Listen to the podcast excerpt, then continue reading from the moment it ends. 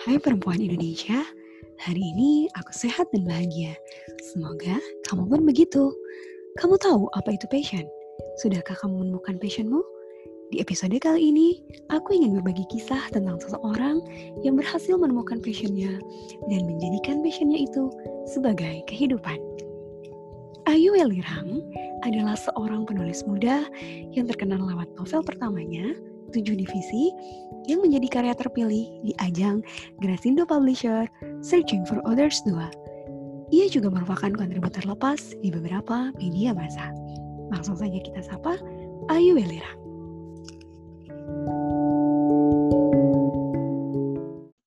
Apa kabar yuk? Alhamdulillah baik. Tapi gimana? Alhamdulillah. Puasanya gimana? Lancar? Lancar sampai saat ini. Alhamdulillah. Yuk, udah berapa banyak novel sih yuk yang terbit sampai hari ini? Kalau novel tunggal sih sampai sekarang tuh baru tiga. Tapi kalau hmm. antologi ada sekitar antologi tuh tiga, sekitar empat. Wow, tiga tuh eh, baru ya yuk ya. Nanti uh, eh, ke depannya bakalan masih banyak uh, project untuk nerbitin novel-novel baru ya yuk. Semoga. Ya, amin, amin. Semoga aku bisa tunggu. terbit, amin. Hmm, aku tunggu terus cerita-ceritanya. Yuk, mimpi uh, menulis nggak sih sedari kecil atau memang sedari kecil tuh sebenarnya punya cita-cita lain?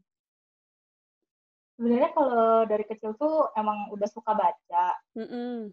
Terus dulu kan awalnya emang suka baca majalah anak-anak gitu ya.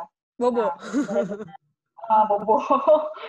Gara-gara itu tuh karena suka sama cerita-ceritanya, jadi pengen nyobain nulis juga.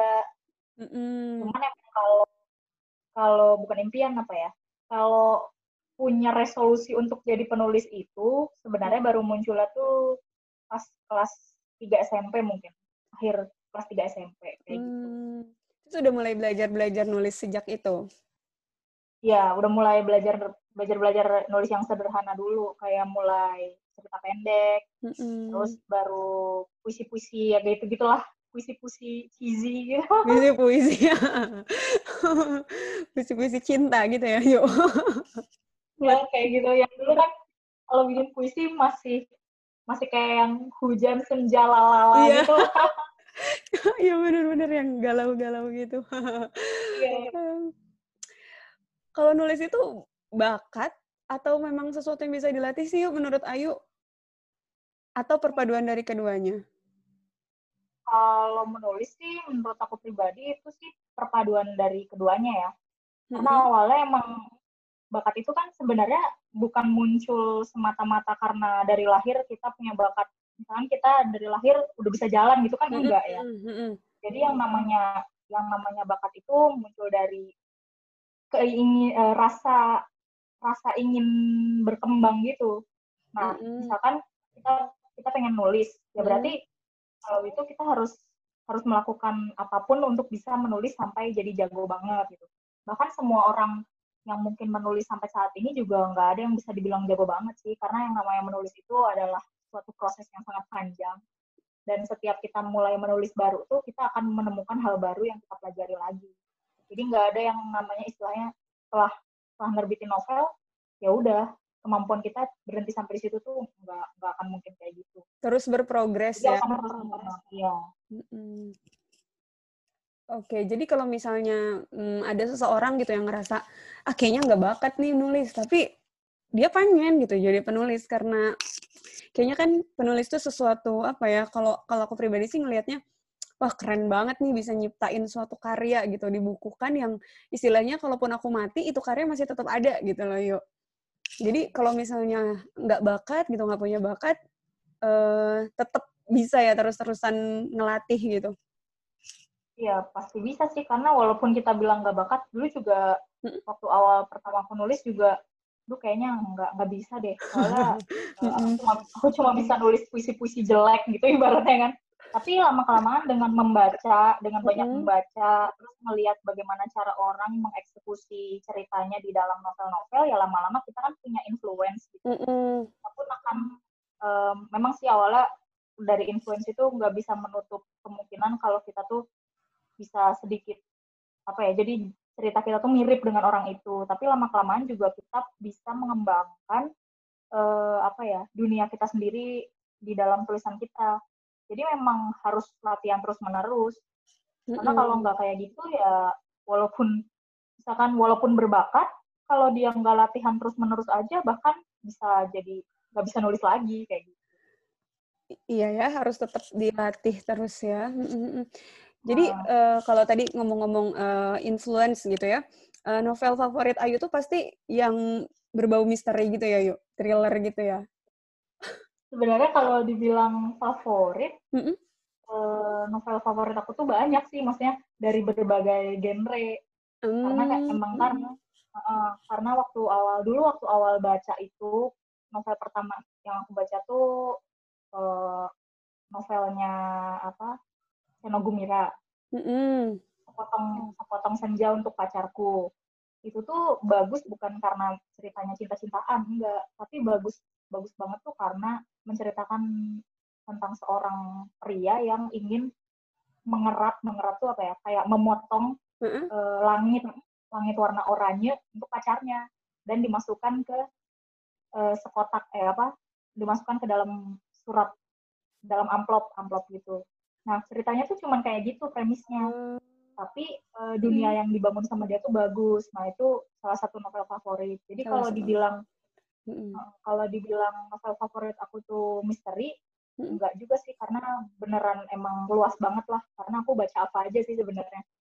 Uh, tapi kalau cerita-cerita Ayu kan ini banyaknya misteri, thriller-thriller gitu, gitu yuk. Sumpah kayak yang baca apa sih aku baca tujuh divisi itu benar-benar kebayang-bayang banget yuk pas lagi berenang, kebayang ada sosok yang muncul di air kayak gitu-gitu yuk beneran deh. Itu inspirasi ceritanya dari mana? Terus kenapa kenapa thriller gitu? Padahal kan novel favoritnya kayak tadi ya yang mellow ya istilahnya ceritanya itu. Iya. Tapi kenapa novel, novel thriller? Kalau tujuh divisi itu sebenarnya munculnya tuh karena waktu itu kebetulan uh, aku tuh lagi sering kan tujuh divisi itu awal ceritanya tuh muncul sekitar tahun 2012 sebenarnya. Mm-hmm. Walau terbitnya tuh tahun 2014. Nah, pada saat itu tujuh divisi itu benar-benar uh, datang dari kegiatan aku naik gunung sebenarnya. Naik gunung. Uh, jadi beberapa cerita itu adalah cerita yang teman-teman aku ceritain. Karena aku sendiri nggak pernah mengalami hal itu sih alhamdulillahnya. Karena kalau aku mengalami itu pasti nggak mungkin akan seberani itu gitu ya.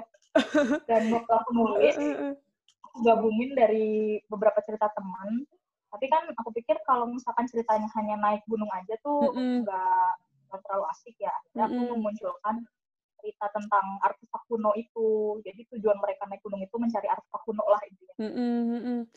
Iya, nah. ini buat para pendengar, kalau kalian suka banget sama novel thriller atau misteri, ini tujuh divisi ini menurut aku recommended sih. Selain kita bisa ngerasain apa ya petualangan, juga kayak ada deg-degannya dan kebayang-bayang gitu. Kalau aku sih, karena aku penakut kali ya, kebayang-bayang gitu sampai berminggu-minggu gitu loh. Pokoknya ngebayangin sosok-sosok misteri itu.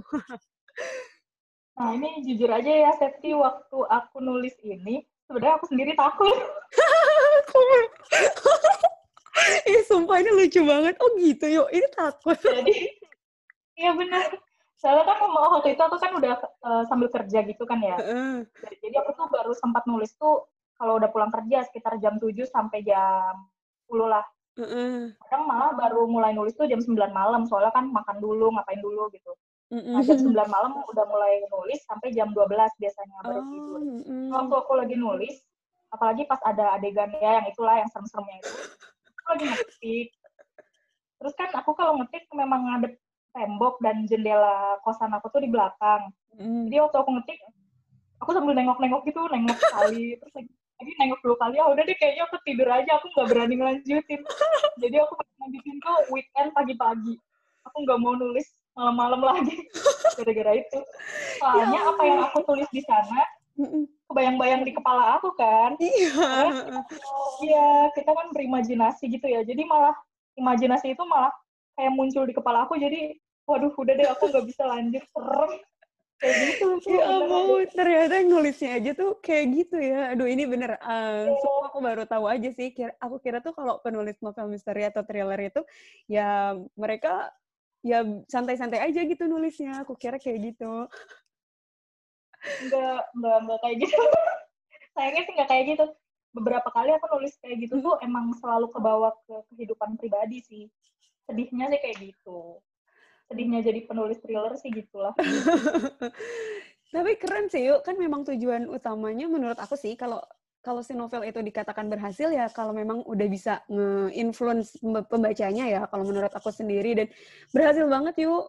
Pernah waktu itu aku berenang sendiri terus lagi berenang satu kolam sendiri padahal di kanan kiri masih banyak orang tapi cuma di kolam itu sendirian terus pas mau nyelam ke bawah gitu terus kebayang-bayang gitu uh, itunya ayo ceritanya ayo terus nggak jadi terus aku sampai naik lah beneran sampai udah naik padahal itu baru semenit doang gitu berenangnya Parah ya, sih. Kalau gitu, alhamdulillah berarti berhasil ya. berhasil, berhasil banget.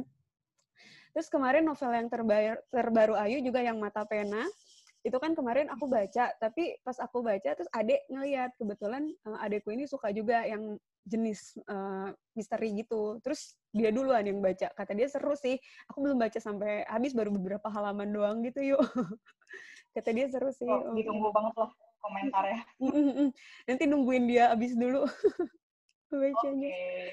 Sip, sip. Oh ya, tadi kan Ayu bilang Ayu juga bekerja. Nah, itu Ayu masih bekerja di perusahaan IT berarti sampai sekarang ya, Ayu? Yang perusahaan IT di Jakarta oh, itu ya? Sampai sekarang, sampai sekarang masih sih. Cuma untuk sekarang kantornya tuh udah pindah di daerah Serpong. Oh. Jadi udah nggak udah nggak pernah ke Jakarta lagi. Oh, berarti ini sekarang hmm, di Serpong. Nah, yuk kalau misalnya disuruh milih nih, penulis atau engineer? Hmm, aku pilih dua-duanya sih. Jadi aku tuh orangnya gimana ya? Aku tuh orangnya tuh kayak nggak pernah bisa uh, membiarkan otak aku tuh tidak bekerja gitu ibaratnya. Wow. Jadi, uh, jadi kayak misalkan lagi nulis, mm-hmm. kadang kalau lagi nulis tuh suka muncul hal lain, misalkan hal IT lah. Aduh lagi nulis tapi pengen ngoding.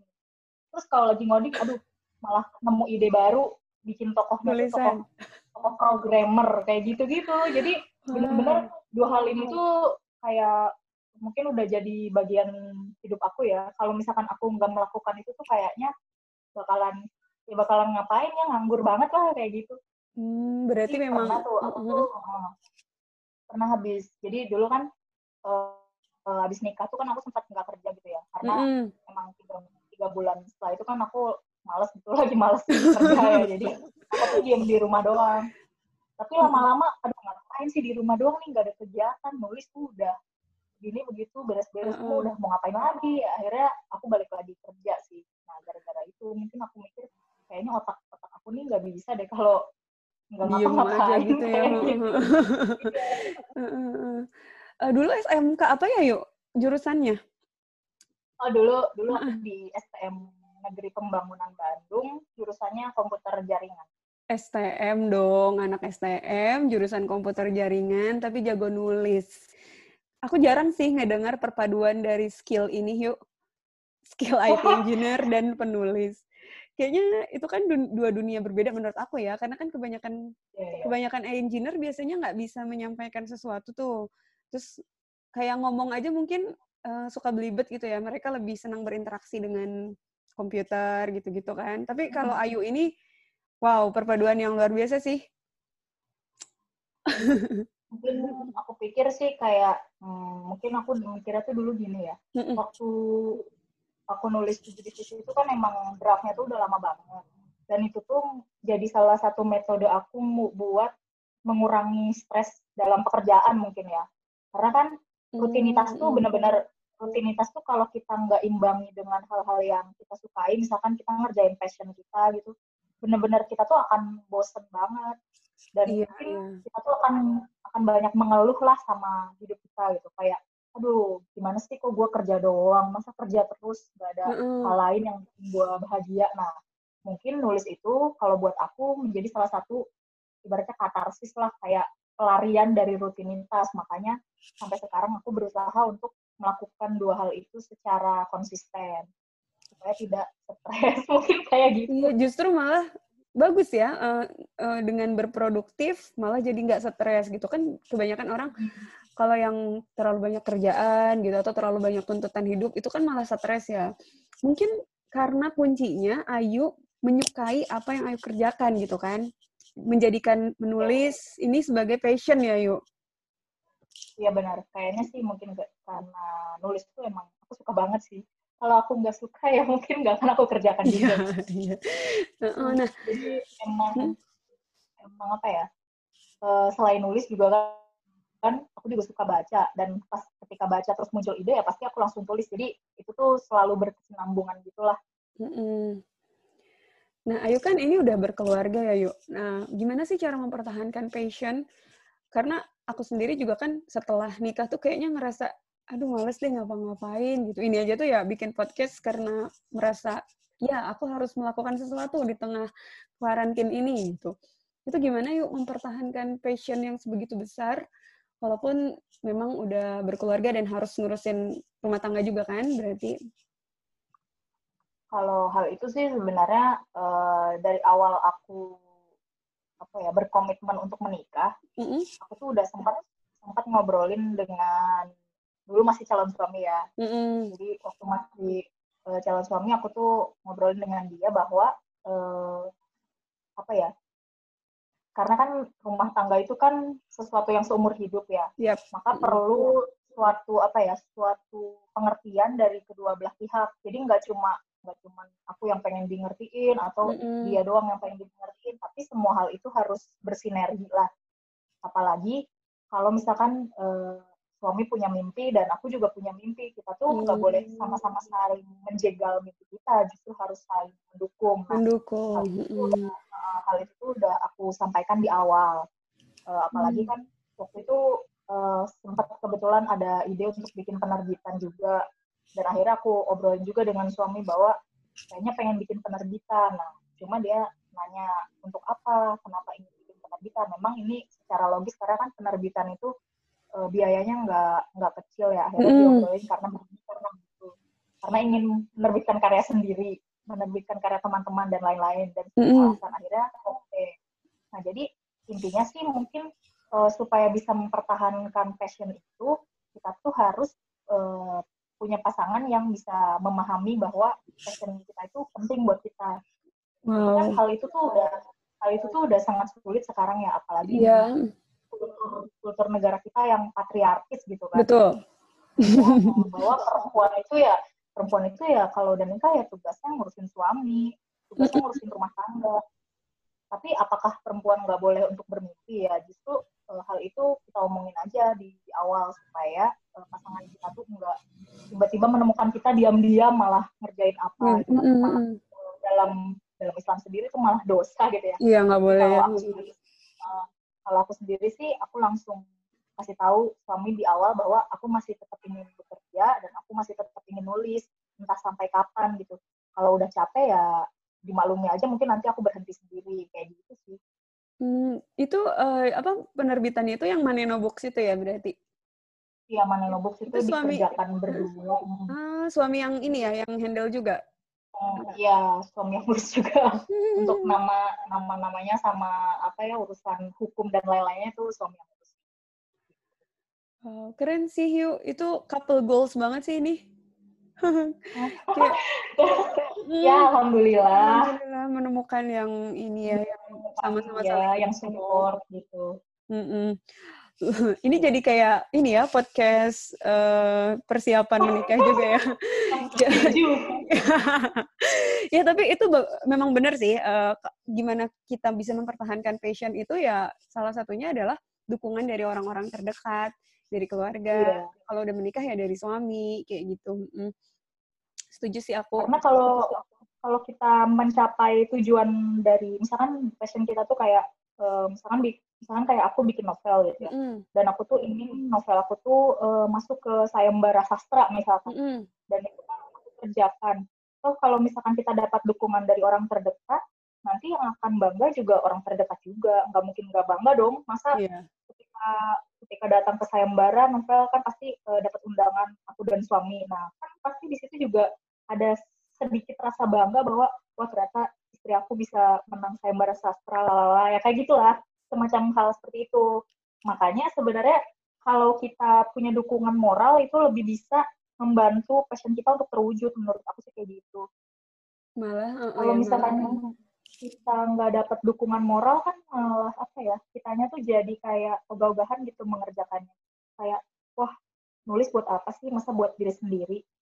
Kan pasti ada sebersit sebersit rasa apa ya sebersit ego atau ambisi lah dalam diri bahwa kita tuh menulis karena kita tuh ingin diakui gitu ya. Dan itu tuh akan terjadi kalau orang-orang terdekat kita pun mengakui. Kalau ternyata orang terdekat kita ah, apaan? Cuma begitu doang. Kitanya tuh nggak akan semangat lagi ke depannya. Menurut aku sih kayak gitu. Iya bener sih yuk setuju aku setuju. Sebagai yang merasakan sudah menikah gitu. Oh iya ini kok topiknya jadi nggak apa-apa yuk hmm, uh, next question ya yuk oke boleh boleh. Uh, sebenarnya kan aku punya cita-cita juga nih sebenarnya pengen jadi aku juga dulu waktu SMP tuh sempet uh, kayak bikin novel yang ditulis di kertas gitu terus covernya bikin-bikin sendiri gitu digambar terus di disebarin ke teman-teman gitu. Nah uh, kayaknya dulu seneng banget juga aku nulis tapi sekarang tuh kayak semacam yaitu uh, mungkin passionku sudah beralih atau apa tapi aku masih punya cita-cita at least nerbitin satu buku selama aku hidup. Nah ada nggak sih yuk tips buat bikin novel yang uh, ya mudah-mudahan gitu ya cita-cita aku ini bisa tercapai gitu satu novel selama aku hidup. Tipsnya nih ya? Mm -mm. tipsnya sih yang pertama pasti konsistensi. Konsistensi. Uh, ih aku ketik loh ini. karena konsistensi itu nggak cuma nggak cuma buat nulis aja tapi buat berbagai hal lah ya. Mm -hmm.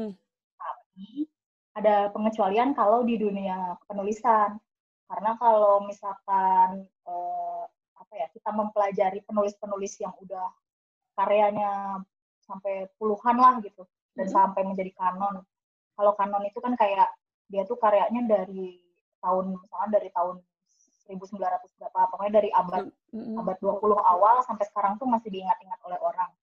Mereka tuh mm-hmm. punya punya tingkat kedisiplinan yang lebih tinggi dari manusia biasa menurut aku tuh. Karena kayak mereka tuh punya jadwal hidup mereka yang uh, jadwal hidupnya tuh bener-bener teratur kayak aku mm. akan sarapan jam 6 sampai jam 7 gitu. Jam 7 sampai jam 9 aku akan lari pagi. Terus jam 9 sampai jam 12 aku akan menulis. Setelah itu aku akan makan siang, terus jam hmm. 1 sampai jam 4 aku akan menulis lagi. Jadi benar-benar harus ada uh, jadwal teratur supaya kita tuh bisa setidaknya nulis satu hari itu satu bab gitu. Karena ini tuh uh, hal yang sulit kalau misalkan kita nggak konsisten ya akan lupa mungkin. Dan pertama-tama mungkin uh, ini cara paling mudah ya supaya konsisten mungkin awalnya pas kita mau bikin novel itu kan kita udah nentuin tema dan ceritanya seperti apa. Mm-hmm. Supaya mempermudah, mungkin kalau saran dari aku pribadi sih bikin kerangka novelnya dulu. Kayak misalkan novelnya ini tentang apa nih? Misalkan novel mm-hmm. sejarah ya. Sejarah VOC misalkan ya. Ini contoh aja ya. Iya, iya. Nggak apa-apa. dari kita tuh dari bab satu kita mulai menceritakan di bab satu tuh akan ada apa aja yang muncul dan plotnya itu seperti apa. Hmm, kita lanjut ke bab iya. dua, rangkanya seperti apa. Nah, terus di tengah-tengah kan akan masuk konflik nih. Konfliknya mau hmm. dijabarkan berapa bab. Misalkan konflik dari bab 10 sampai bab 15 misalkan. Terus hmm. penyelesaiannya dari dari bab 16 sampai bab 25. Nah, seperti itu. Jadi kita tuh menjabarkan kerangka premis uh, atau inti cerita dari masing-masing bab.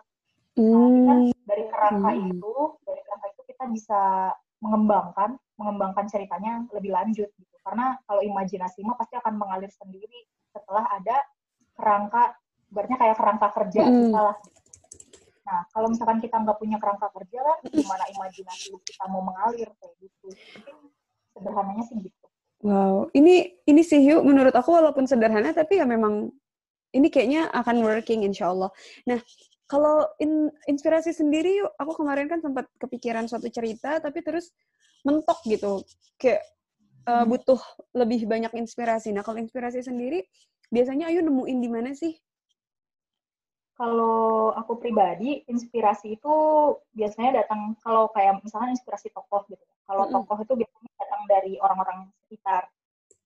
Jadi kayak misalkan aku mau bikin tokoh prianya kayak kayak apa? Suami. Oh, oh misalnya kayak suami. Tapi sifatnya sifat sifat aku ketika menjadi lelaki ya ibaratnya gitulah. Nah tapi kalau kalau inspirasi cerita sendiri kalau aku mentok karena emang uh, apa ya itu kan sebutnya writer's block gitu ya mm-hmm. walau sebenarnya writer's block itu cuma pembenaran orang-orang malas karena aku lagi lagi malas gitu terus aku bilangnya aduh writer's block akhirnya aku mencari inspirasi itu dengan baca buku yang kira-kira serupa mm-hmm. atau uh, dengan cara nonton film atau nonton drama Jepang, drama Korea atau drama apa pun lah yang mirip mm. kayak gitu mencari inspirasi tambahannya. Soalnya aku banyak banyak belajarnya emang dari penceritaan film dan penceritaan novel-novel luar sih daripada novel Indonesia kalau untuk inspirasi. Tapi memang hmm. untuk jadi penulis itu memang harus banyak baca buku juga sih supaya kita bisa semakin berkembang lah. Kira-kira kayak gitu. Oke sip sip. Ini tipsnya oke okay banget nih Yu. Thank you banget. Nah uh, ya insya Allah aku baru nulis dua bab yuk lanjutkan lanjutkan. Lanjutkan insya Allah. di, di blog aku sih sebenarnya ada tips-tips lain. Kalau misalkan tertarik bisa mm -hmm. mampir aja ke www.ayulerang.com di situ ada dibaca aja. Iya aku pernah buka kok. gimana yuk? Uh, apa soalnya itu tipsnya tuh muncul dari pengalaman pribadi sih. Jadi kayak kayak tips praksis lah gitu yang aku kerjakan selama writer's block tuh ya seperti itu yang aku tulis terus cara aku bikin karakter juga di situ aku tulis jadi mampir aja oke okay, buat para pendengar juga bisa mampir di www.ayuwelirang.com. Ya yuk ya. Jadi ngiklan. Nggak apa-apa. Tapi bener sih kalau aku rekomen uh, juga teman-teman buat beli novelnya Ayu karena apa ya menurut aku sih uh, ceritanya itu enak gitu mengalir mudah dimengerti nggak terlalu yang jelimet gimana tapi seru seru dan benar-benar apalagi untuk uh, warga Jakarta Selatan sih menurut aku yang novel yang kemarin itu loh mata pena kayak ngerasa ada di dalam novelnya itu gitu. Kalau aku sendiri sih kayak gitu. Bagus sih, alhamdulillah. Karena kebetulan mata pena juga waktu itu aku bikinnya karena aku lagi nongkrong di rumah temen yang di sekitar tempat situ.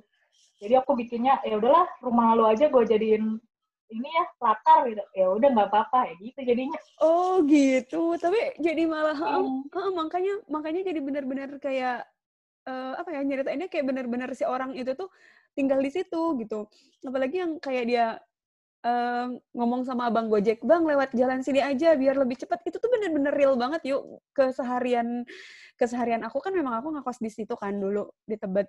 Itu bener-bener keseharian tuh kayak gitu. Jadi ngerasa ada banget di dalam novel itu dan kayak Ayu tuh bikin novel itu nggak asal-asalan gitu, nggak asal-asalan naik uh, apa nyeritain orang naik motor ter, atau atau orang pergi ke mana terus nyampe gitu. Jadi kelihatan banget kayak Ayu melakukan beberapa research gitu, walaupun research uh, ya riset sederhana tapi jadi menjadikan novel itu hidup sih menurut aku. Alhamdulillah kalau kayak gitu. Mm. Berarti usaha usaha aku selama ini tidak gagal. Enggak lah, itu bagus Tiu. Adikku juga suka sama novelnya. Wah, oke. Okay. Terima kasih ya Seksi dan adiknya. Yeah. Udah membaca mata pena. Hmm, aku terus mendukung uh, cerita-cerita lainnya walaupun aku penakut sih kalau baca cerita misteri atau thriller gitu. uh, Oke, okay, uh, pertanyaan terakhir kali ya, yuk. Pesan dong buat para pendengar yang passionnya itu mereka tuh passionnya nulis sebenarnya. Mungkin mereka suka nulis tapi mereka tuh nggak terlalu percaya diri sama karyanya. Terus uh, atau juga ada mungkin orang-orang yang selain nggak percaya diri mereka juga nggak tahu nih harus mulai dari mana. Harus nerbitin ke mana dulu uh, atau nerbitin apa dulu gitu uh, mungkin bisa Ayu share pesan-pesan buat para pendengar biar mereka mau untuk memulai dan percaya diri akan karyanya.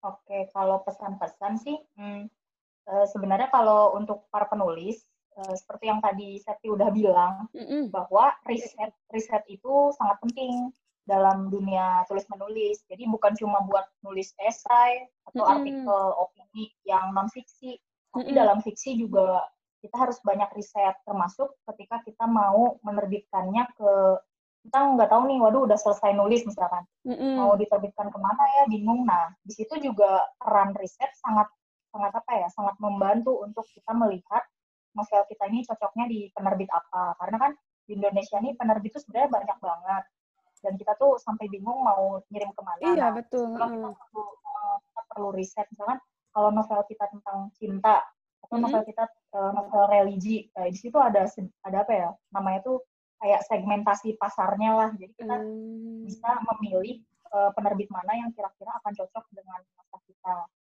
Kalau mengenai uh, percaya diri, mengenai kepercayaan diri tadi, saran aku cuma satu. Kalau hmm. udah selesai nulis, ya udah coba uh, kasih ke salah satu teman yang suka baca Hmm, eh, nggak peduli dia itu uh, dia itu pembaca yang sangat kritis atau apa kita coba kasih aja. Iya yeah, kalau dia ternyata uh, dia ternyata mengkritik habis-habisan naskah kita loh itu justru lebih bagus. Itu berarti kita punya kesempatan untuk mengubah naskah kita jadi lebih baik. Iya yeah, kita tuh nggak uh. boleh menutup nggak boleh menutup mata sama kritik terhadap buku-buku uh, atau novel yang kita tulis. Itu tuh nggak boleh karena nanti seolah-olah kita udah apa ya udah paling keren sendiri lah gitu padahal mm -hmm. dengan kritik itu kritik itu adalah sesuatu yang sangat membangun bagi para penulis, apalagi penulis pemula gitu. Gitu aja sih pesannya. Hmm. Karena kalau kalau mengenai penulisannya sendiri ya sebagai penulis mau kalian percaya diri atau enggak ya kalian tugasnya adalah menulis masalah itu bagus atau enggak itu harus diserahkan sama pembaca karena penulis kan biasanya memang subjektif ya. Iya, Karena kalau penilaian objektif itu hanya penilaian pembaca. Begitu kira-kira. Berarti uh, kalau kan gini pembaca juga kan kadang uh, selera ya yuk. Misalnya ada yang suka kayak gini ada yang suka kayak gitu. Berarti mungkin juga uh, bisa dikasih ke beberapa temen gitu kali ya buat mendapetin uh, pandangan yang lebih luas. Iya benar. Jadi nggak cuma salah satu aja. Kalau bisa sih untuk pembaca pertama tuh ya mungkin dari grup teman-teman mungkin sekitar lima lah. Paling maksimal tuh lima nggak apa-apa sih dan itu hmm. kadang disebutnya sebagai uh, sebagai beta reader Kenapa disebut beta reader? Karena beta reader. mereka itu mereka itu adalah kayak orang apa ya? Kayak QA gitulah ngetes. Mereka ngetes naskah ini.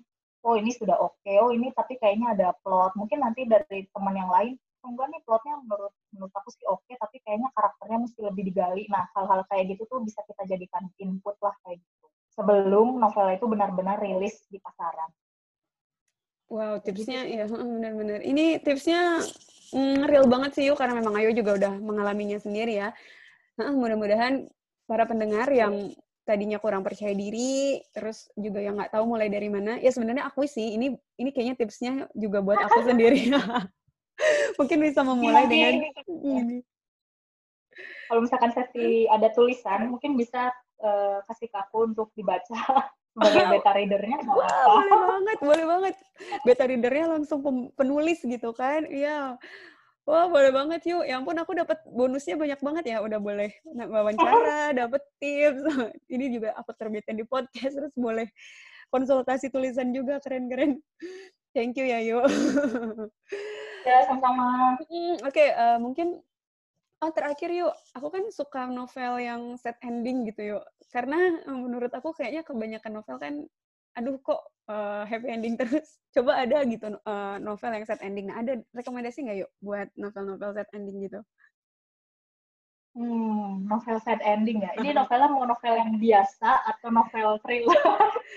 Karena aku banyak ada ya. Oh, banyak kan novel thriller yang set ending tuh. Uh... Tapi mungkin kalau novel-novel yang biasa bukan biasa ya apa novel yang nggak masuk dalam ranah thriller mm-hmm. mungkin bisa baca novelnya Laksmi Pamuncak judulnya Amba atau okay.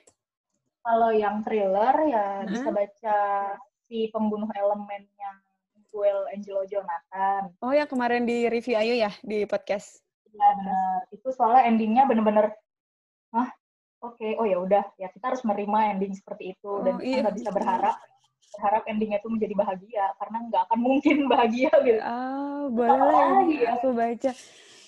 Iya, kadang sih, ya memang nah, sih, kadang kesel gitu yuk. Tapi itu novel justru malah lebih terngiang-ngiang sih, terngiang, teringat-ingat gitu kalau misalnya set ending. Karena kan keselnya tuh nggak ketahan ya, kayak beberapa hari gitu bakalan kesel sama endingnya.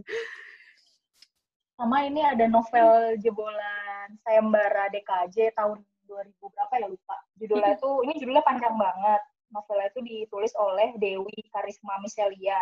Mm-hmm. Judulnya Surat Panjang tentang jarak kita yang jutaan tahun cahaya. Nah itu panjang banget. Nanti kalau misalnya oh, iya. lupa bisa WhatsApp aja. aku aku ketik loh dari tadi oh, iya. tipsnya, iya tipsnya terus uh, rekomendasi-rekomendasinya aku ketik. ya mungkin kalau misalkan butuh uh, bahan apa judul-judul bacaan lain yang set ending, nanti kalau aku ingat langsung aku kasih tahu deh. Sip, terima kasih banyak. Oke yuk, mungkin itu aja. Uh, ini alhamdulillah banget sih. Ini uh, apa tips-tipsnya juga, insya Allah ini bisa. Ini tipsnya memang benar-benar bisa dijalanin sebetulnya ya. Asalkan memang kitanya juga punya komitmen sih menurut aku buat para pendengar juga. Kalau misalnya memang mau memulai menulis atau atau memang mungkin belum tahu passionnya apa. Passionnya mungkin uh, menulis tapi dia belum bisa menemukan. Nah itu bisa uh, coba aja dulu dengan baca-baca atau coba uh, bikin tulisan-tulisan pendek. Mulai aja dulu gitu ya yuk ya. Iya benar-benar. Uh -uh. Oke, okay, mungkin itu aja yuk uh, sesi kita kali ini. Next mungkin bisa ya yuk kalau misalnya kita ngomongin novel Ayu yang lebih spesifik gitu, semacam kayak gitu beda oh, buku gitu lah, boleh kan ya? Oke. Okay. sip sip. Terima kasih banyak ya yuk. Uh, semoga selalu sehat dan selalu produktif bisa menghasilkan karya yang lebih lebih lebih lagi. Uh, mudah-mudahan bukunya sukses jadi nasional atau bah bahkan uh, mungkin internasional bestseller gitu. Mudah-mudahan di kemudian hari. Amin. Oke, okay, makasih banyak ya Yu. Bye. Iya, sama-sama Lesti.